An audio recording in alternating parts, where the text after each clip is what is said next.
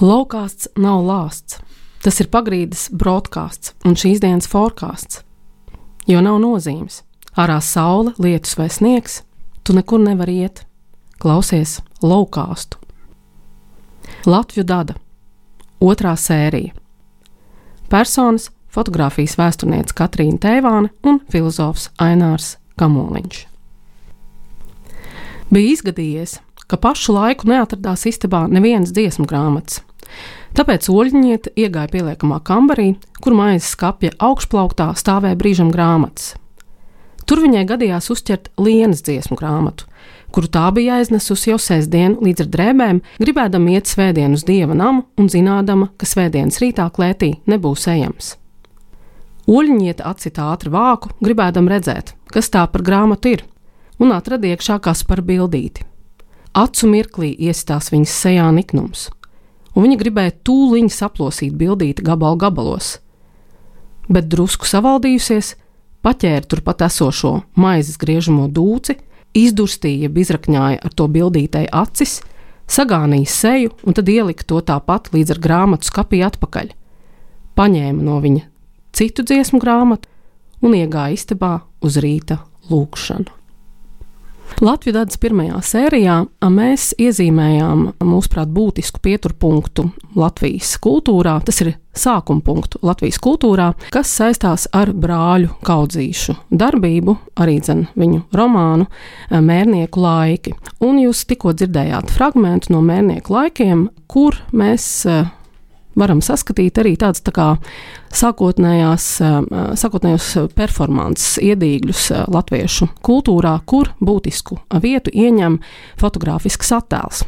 Un fotografisks attēls būtībā būs šī, šīs sērijas vadmotīvs, un mēs mēģināsim ieskatīties Latvijas fotografijas vēsturē un atrast kādus piemērus un dadaismu izpausmes. Ja mēs runājam par tādu uh, performatīvu uh, aspektu latviešu kultūrā, tad šī, protams, tāda ļoti ekskluzīva, ja viena cilvēka uh, veidota, nu, varētu teikt, akcija konkrētam cilvēkam Lienai pēc pāris lapusēm šajā pašā romānā mēs varam lasīt par Lienas reakciju, kas tiešām bija ļoti šokējoša viņai un radīja nemazums pārdzīvojumu. Pārdzīvojumu. Vai arī viņa bija apjukusi? Kas būtu īstenībā viens no šiem performances mērķiem. Es domāju, ka viņa pilnīgi noteikti bija apjukusi sākotnēji ieraugot šo attēlu, taču pēc tam šis apjukums pārgāja. Es teiktu, sāpēs, skumjās, jo, protams, tā ir ļoti liela ģimenes drāma apakšā šim visam. Un, protams, arī skumjais mīlestības stāsts par Lienu un Kasparu ir viens no fundamentālākajiem momentiem šajā, šajā romānā, kā arī tas dod tādu ierosmi vispār nu, tādā Jā, tas... attiecību aprakstīšanas spektrā, pēc tam uh, kopumā latviešu literatūrā. Jā, un cik es saprotu, tad kaudzītājiem patīk fotografijas pašiem. Ja? Jā.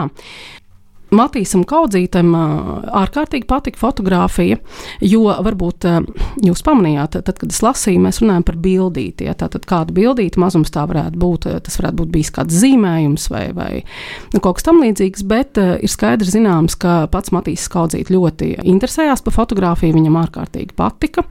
Viņa um, muzejā vecpiebalgā um, ir gan viņa guļamistabā apskatāms, vismaz uh, pēc acu liecinieku skaitītā tā aptuveni 100, 140 fotogrāfijas, kaut kas tāds. Arī dažāda veida litogrāfijas, grafikas, tostarp arī aino fotogrāfijas ir dzīvojamā istabā, un kas ļoti interesanti, tad ir saglabājušies laikam Matīs jubilejas vainagi, kas ir sakārts zem tām bildēm, un, un tas arī tādu bartisku momentu ievieš tajā visā tā, tad, tāds, tāds fotogrāfijas un šīs nāves simbolikas jā, apspriešana šādā kontekstā kontekstā. Nu, ārkārtīgi interesanti, jo faktiski viņa muzejs, ja, ja mēs skatāmies no tādas fotografijas vēstures, izvēršas par diezgan konceptuālu darbu. To mēs uh, gribētu izcelt, ka um, brāļi kaudzītis ne tikai aktualizē šo dadaismu caur literatūru, bet faktiski jau arī iezīmē citādākas izpausmes.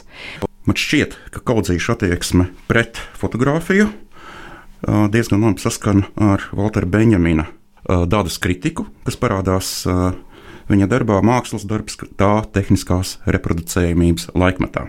Un uh, Viena no Benjamina galvenajām tēzēm ir tas, ka dadaisti mēģina ar glezniecības vai literatūras palīdzību radīt to efektu, kura publika šodien meklē kino. Tas ir viņa galvenā tēze. Un, kas ir interesanti, tad nākamais arī tas, ka šie mākslas darbi nav kontemplatīvi. Proti, šie mākslas darbi ir vienkārši akcijas, Un nevis tāda, ka mēs tur meklējam kaut kādu dziļāku jēgu. Tā ir tā viena no galvenajām uh, Waltera Benjamina kritikām, kurā viņš pat saliek kopā dadaismu ar uh, citu veidu mākslas virzieniem, kas, kurus it kā spēj pakļaut arī visas šīs totalitārās iekārtas un tam līdzīgi, jo tieši izmanto propagandā, nezinu, piemēram, futūristu attēlus un tā tālāk. Un uh, šajā gadījumā man likās nu, interesants divas lietas attiecībā uz Matīs Kaudzīti.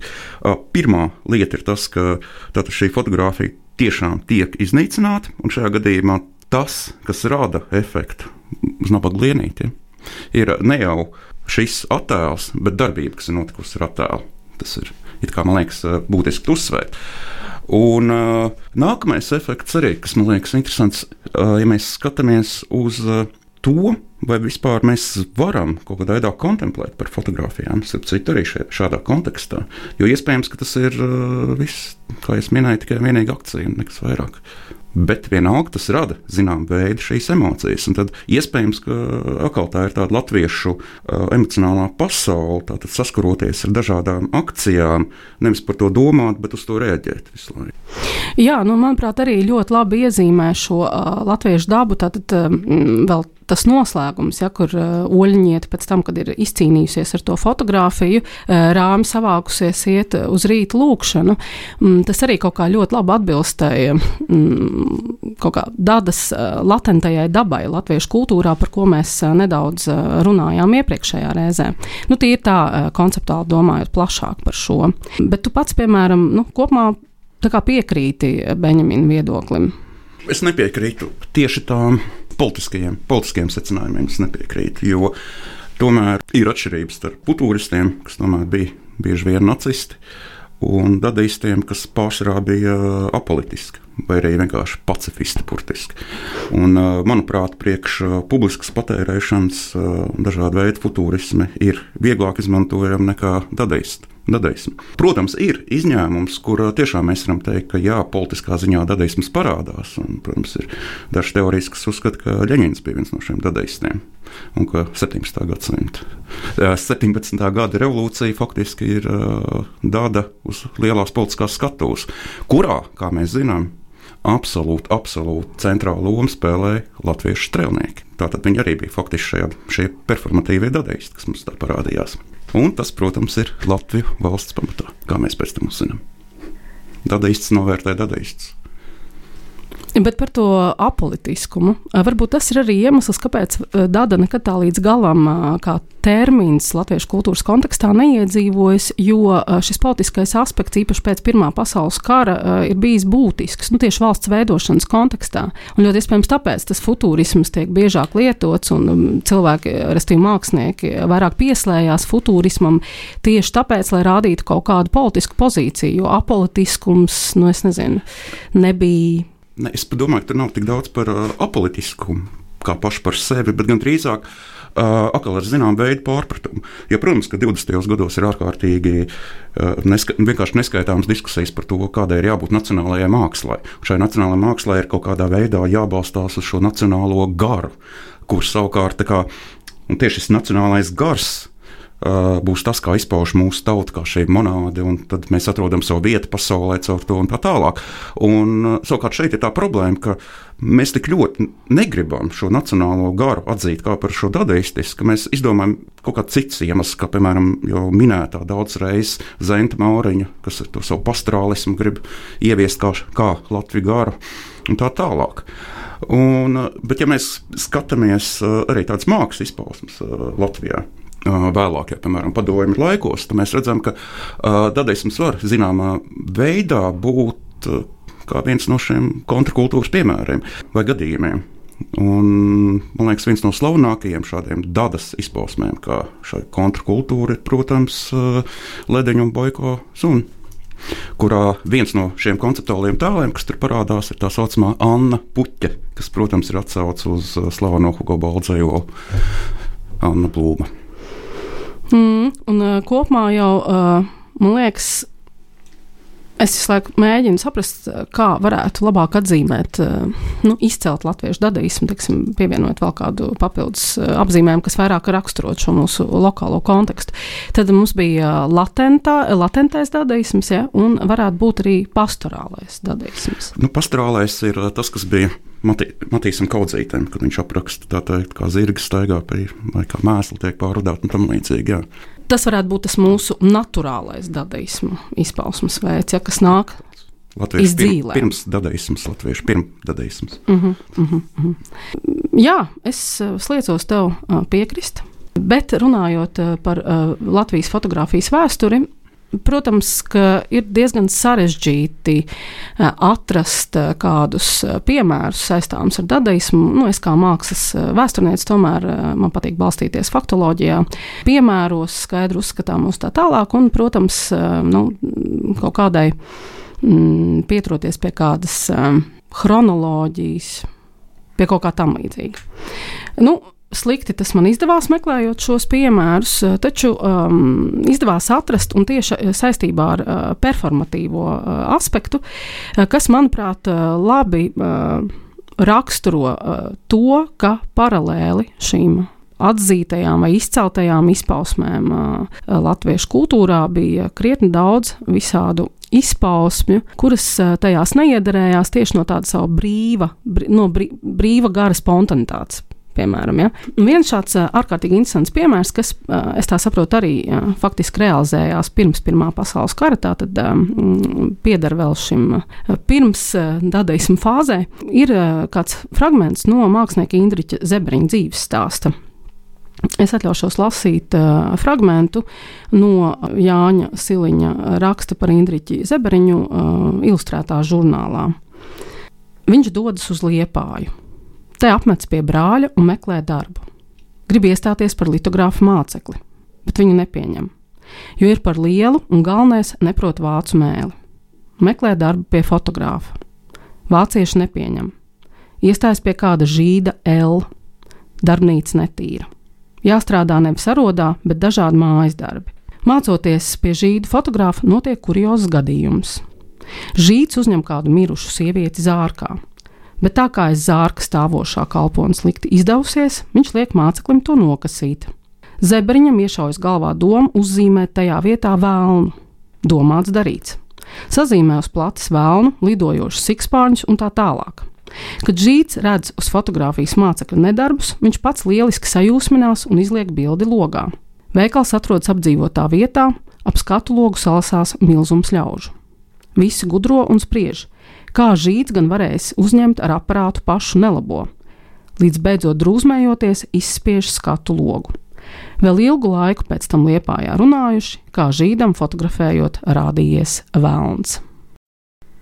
Es teiktu, ļoti iespaidīgs stāsts. Un Jānis pilnīgi piekrīt, ka šādā performatīvā aspektā arī šo dadaismu ļoti bieži var redzēt. Tomēr. Un, kas interesanti, runājot par fotografiju, te arī iezīmējas gan arī jau iepriekš lasītajā m, mm, citātā no mērnieku laikiem, gan arī Zeberiņa dzīves stāstu kontekstā, ka fotografija pārtop par kaut ko citu.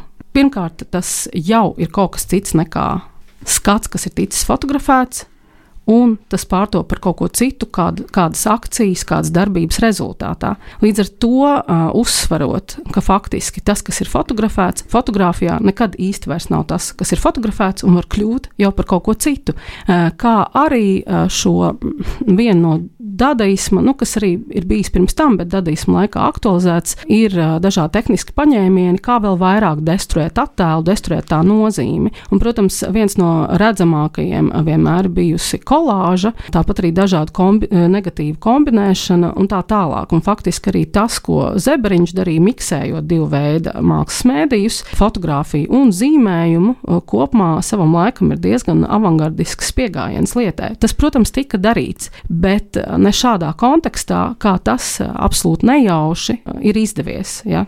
kas ir uh, radījis zināmu akciju, nevilšus ar, ar ielikt, samērā konkrētu. Logā, man liekas, tas ir nedaudz pat aktuāli mūsdienās. Ne?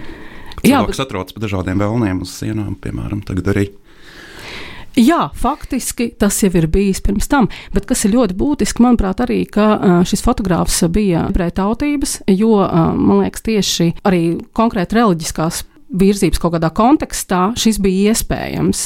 Es šaubos, ka kāds latviešu uh, luterāņu fotogrāfs kaut ko tādu būtu veicis. Piemēram, ja, ne, es nerunāju tikai par uh, fotografiju, bet ja mēs skatāmies uz, uz rakstniekiem, tad, uh, piemēram, Jānis Teigs bija mācītājs luterāņu tomēr. Līdz ar to reliģija nav pretrunā šim mākslas virzienam. Kas, protams, ir tikai vēl jo priecējošāk. Protams, protams. protams.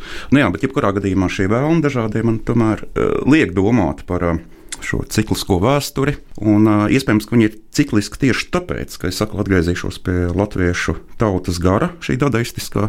Viņš ne, nespēja tikt no tā projām, tāpēc mēs laikam atgriežamies pie šiem vēlniem, pie tām pašām vecām diskusijām par to, ka mēs izgāžam logus vai izgāžam sienas vai kaut ko tamlīdzīgu. Mēs no tā nekad netiksim vaļā, mums tas vienkārši tas jāpieņem. Jā, es nebiju par to tā padomājusi, bet uh, tev ir taisnība, Enāra. Bet atgriežoties pie fotografijas, man liekas, tiešām veidos ārkārtīgi daudz interesantu aspektu ap to, kā mēs varam ieraudzīt dažādas dadaismu izpausmes. Runājot par fotografijas vēsturi, tīri tādā no ma mana vēsturnieka skatu punkta, tātad oficiālā līnija, tad uh, 20. gadsimta pašā sākumā, tāpat arī starpkara periodā, tas virziens, kas vienmēr bijis tāds vadošais, ir piktoriālais virziens, piktoriālisms.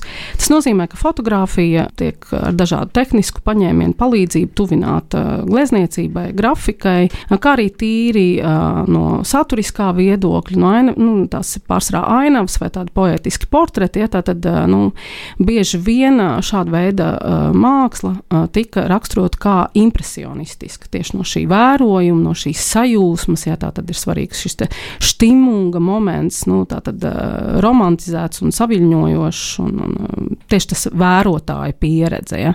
Tu kā vērotājs nodod savu to emocionālo pieredzi tālāk caur, caur uh, personalizētu attēlu. Kas, protams, nenozīmē, ka paralēli tam ir noticis šis un tas, eh, par ko vēsture ir noklusējusi. Jo, eh, diemžēl, šodien tas, ko mēs par fotografijas vēsturi varam uzzināt, galvenokārt rodams no viņu eh, preses, preses materiāliem, žurnāliem, tur, teiksim, stāri, objektīvs, fotografijas mēneša raksts un, un tam līdzīgi. Un tur tomēr fotografi lielākoties pārstāvē dažādas biedrības, un tas, kas parādās par kaut kādām laikmetīgākām, modernākām izpausmēm, izpausmēm ir ļoti maz, vai arī tiek skatīts pārsvarā kritiski. Un uh, ir, ir, ir samērā uh, būtiski uh, atzīmēt, ka, um, nu, ja skatās no tā viedokļa, ka dadaistu mērķis ar savām aktivitātēm bija tracināt publiku, tad uh, latviešu fotografijas klasiķi bija patiesi šokēti par teju katru modernāku mākslas, izpaus, mākslas fotografijas izpausmi. Es domāju, ka ne jau tas, ka viņi bija es domāju, ka viņi bija šokēti arī ne jau tāpēc, ka viņi bija atpalikuši no Eiropas, bet vienkārši tas, ka atkal tā ir tā iekšējā vēlme būt šokētam. Un tad vienkārši meklē, jebkuru iespēju būt šokētam, apjukušam, tam līdzīgi. Tā ir vienkārši mūsu būtība. Mēs pēc tā nevaram. Un, um. Vienkārši, bet bieži vien tas tiek jaukts ar kaut kādu atpalicību vai provinciālismu. Nē, mēs gribam būt apjukuši. Es domāju, ka tev ir taisnība. Nu, jebkurā gadījumā jā, tas, tas rada apjukumu, un tur es tev um, varu arī. Nē, un iespējams arī, ka mums ir ļoti daudz tie avangārda darbi. Vienkārši viņi tiek uztaisīti, cilvēks tik ļoti apjuka un nespēja viņu aiznest nekur, piemēram, tam līdzīgi. Jā, bet tā teikt, ka, kamēr, kamēr eh, tu stāstīji un, un faktiski atgādināji atkal par šo apjukumu, kas ir ļoti, ļoti būtisks eh, un pie tā nu diena jāpieturas, tad es arī gribētu atsaukties uz uh, vienu tekstu, kas ir veltīts ekspresionismam fotografijā. Starpkaru gados faktiski ekspresionisms tika izmantots nu, kā, kā apzīmējums modernismam kā tādam, ja, un, un tas ietvēra, teiksim, latviešu fotografijas vēstures kontekstā tādu, nu, teiksim, tāda veida modernismu, kas nerada apjukumu, kas vēl ir teikt, pieņemams. Vizuāli tas ir jau kaut kas citādāks, ja varbūt ne gluži tikai tāda tonēta ainava, bet eh, te varēja būt arī eh, sarežģītāks fotomontāžas paņēmieni, bet tam bija jābūt eh, nu, saprotamam. Ja tam nevajadzēja. Smukam. Nē, ne obligāti smukam, tam bija jābūt uh, saprotamam. Jo, teiksim, šī te raksta kontekstā, ja ekspresionisms fotografijā, viena no ilustrācijām, kas ir piedāvāta, ir Eduarda Gaiķa darbs Kaislība kaislību varā, kur Tad, galvenais objekts fotografijā ir galvas kauss, un blakus ir nolikt dažādi cilvēka dabu degradējoši elementi, kā piemēram kārtis, alkohols, cigaretes. Tur, Nu, principā tāds dekadents komplekts. Jā, jā, jā. jā, jā. Tad šeit ir skaidri nolasāma morāle. Faktiski šis darbs, lai arī fotogrāfiski tiešām ir ļoti augstvērtīgs savam laikam, ir piedalījies dažādās eh, skatēs, tur ārzemēs, Parīzē un tā tālāk, bijis apbalvots un brīnišķīgi, bet viņš tiešām ir tāds, nu, reklāmas plakāts, eh, nu, kas, teiksim, aicinātu eh, tautiešus uz, uz, uz veselīgu un saprātīgu dzīvesveidu. Šeit nav nekas, kas raisītu apjukumu. Drīzāk viņš rada varbūt tādu impulsu, emocionālu, ja, kas, ko mēs varbūt varētu attiecināt uz ekspresionismu, teiksim, bet, bet es nedomāju, ka viņš radīja apjukumu. Bet uh, Džingels, uh, kritizējot kādu uh, visticamāk ārzemju attēlu, kas bija uh, sievietes uh, portrets kuras um, sejas daļu klāja cits attēls, šī pat dāma pilnā augumā. Šādu tipu uh, darbu Džingels uh, kritizēja un izcēla, ka, tas, uh, ka tā ir mazāk māksla, bet vairāk uh, blēņošanās, jo rezultāts rada jūtu sajukumu un neizpratni. Un uh, tas, ko viņš uh, rakstīja, ir šis. Īstais iemesls šādam nepatīkamam jūtu sajukumam ir tas, ka nekāda māksla, arī fotomāksla nē, nevar atveidot tīri dvēselisku gara stāvokli, jūtas, atmiņas, vīzijas vai pat abstraktus jēdzienus. Katra māksla un fotografija gan visvairāk ir saistīta pie dzīves īstenības formu pasaules, kuru tā gan var veidot, bet neviltot vai pat to noliegt. Kur mākslinieks aiziet no šīs formu pasaules, viņš top nesaprotams. Jā, bet tas eh, kaut kādā mērā liek domāt, vai tiešām kritērijam ir jābūt saprotamībai arī šajā gadījumā. Jo man liekas, tādi skaidri orientieri, kas ir labs, kas ir slikts, kas ir jūtas, kas nav jūtas, man liekas, diezgan tādi paši par sevi neskaidri. Tā godīgi. Tad... Nu, te arī jautājums, vai dada, dad, dadai vienmēr jābūt nesaprotamai? Taču nē. Nē, nē, nē. Jo, principā, es, es nesaprotu, ko nozīmē saprast arī vienā nozīmē. Jo, piemēram, atgriežoties pie tās pašas nabaga lienītes, lienīte saprata aktu. Viņai varbūt tas nepatika vai kaut kas tamlīdzīgs, bet viņa to saprata. Un tikai tāpēc, ka tas ir abstrakts darbs, pieņemsim, kā viņi tur spēlējas tām bildītēm, nenozīmē uzreiz šo nesaprotamību. Bet viņi vispirms apjuka un tad saprata.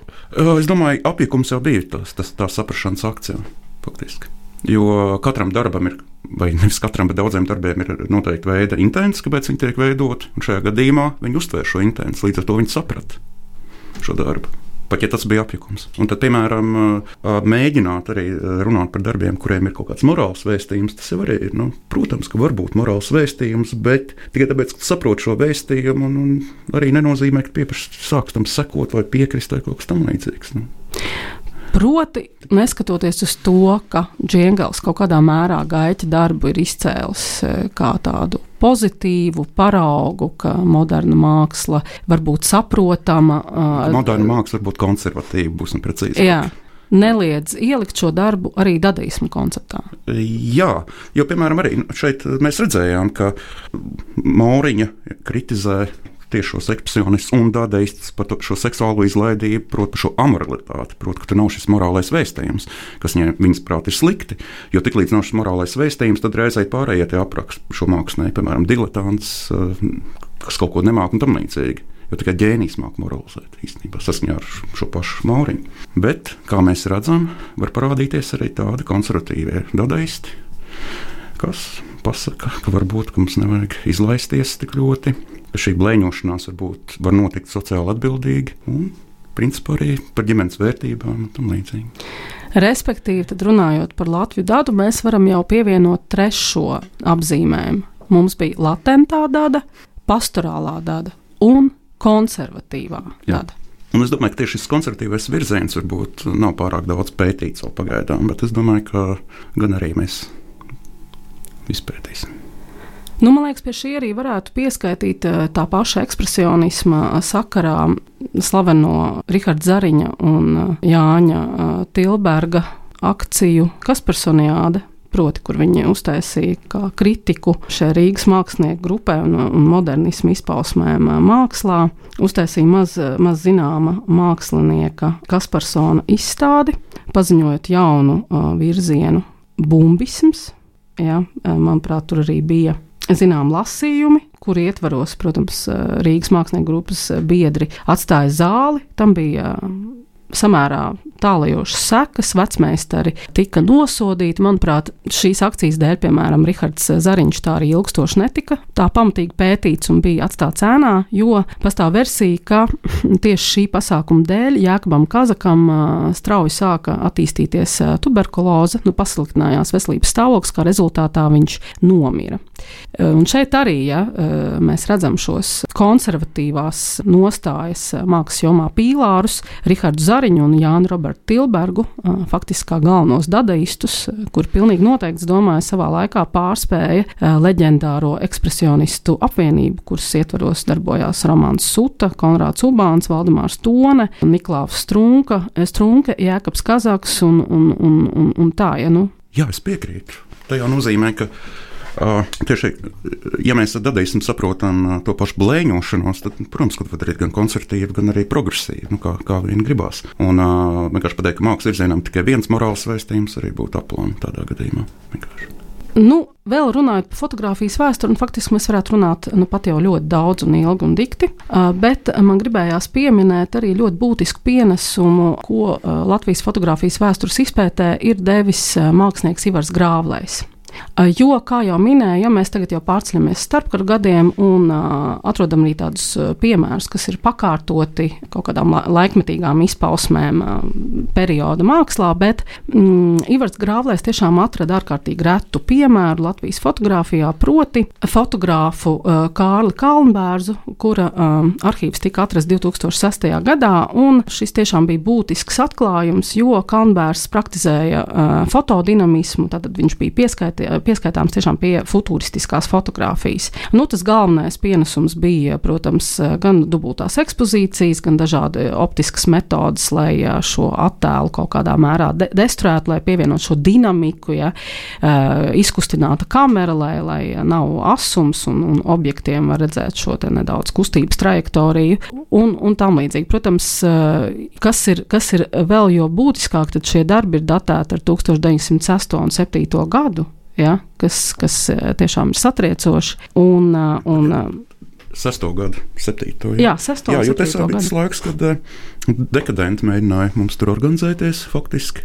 Un, kā jau minēju, daži no tiem dekadentiem gribēja kļūt par futūristiem, bet tad nolēma, ka varbūt nav vēl pienācis viņa laiks. Tad izrādās, ka kāds, kas nav bijis tajā dekadentu grupiņā, ir tomēr to darījis. Jā pat viņiem to nezinot, lai Jā. arī viņiem pašiem šķiet, ka viņi ir avangardisti. Jā, tieši tā. Un es arī gribētu izcelt, nu, ņemot vērā, ka tas ir septītais gads un, un nesen bijis piektais gads un Raņa figūras nozīmība mūsu kultūrā, tad uh, īpaši izcils, manuprāt, ir izcila fotografija ir ar nosaukumu sekundes sprādziens, kur mēs redzam tādus vairākus Raņa, Raņa portretus, kas, nu, sadalās tādā tā kā. Salūtā. Jā, jā. Jā. Tā kā, protams, nu, kas ir būtiski, man kā vēsturniecei neatmest cerību šos piemērus atrast aizvien vairāk un vairāk, jo un ne tikai šī mantojuma kontekstā ir, ir tas, ka kāda fotografiska arhīva atrodas tagad tikai 21. gadsimtā vai nu kaut kur aprakti vai kādu māju bērniņos vai tam līdzīgi un tam līdzīgi. Tā kā mēs, protams, ceram atrast aizvien vairāk un vairāk šādu liecību. Manuprāt, tieši fotografija dadaismu kontekstā ir ļoti, ļoti būtisks un arī maz novērtēts mēdījis, kas arī pēc dadas vairāk tomēr vienmēr ir ticis kaut kā saistīts ar surreālismu. Dadaismu kontekstā, man liekas, paši dadaisti īsti nenovērtē, ka fotografija ir dadaistiska pēc būtības, jo kaut ko reproducēt no realitātes un vēl piedāvām iztēloties, ka tas ir redzamā tieši attēls, nu, tas ir diezgan, diezgan, diezgan manuprāt, dadaistiski pēc būtības. Tieši tā. Visāk sakot, tas, kas ir jāveido, tas, ko mēs dēvējam, ne tikai vēsture par dadu, bet dadaistisku vēsturi. Tas arī ļoti būtiski. Proti, es tev pilnībā pievienojos.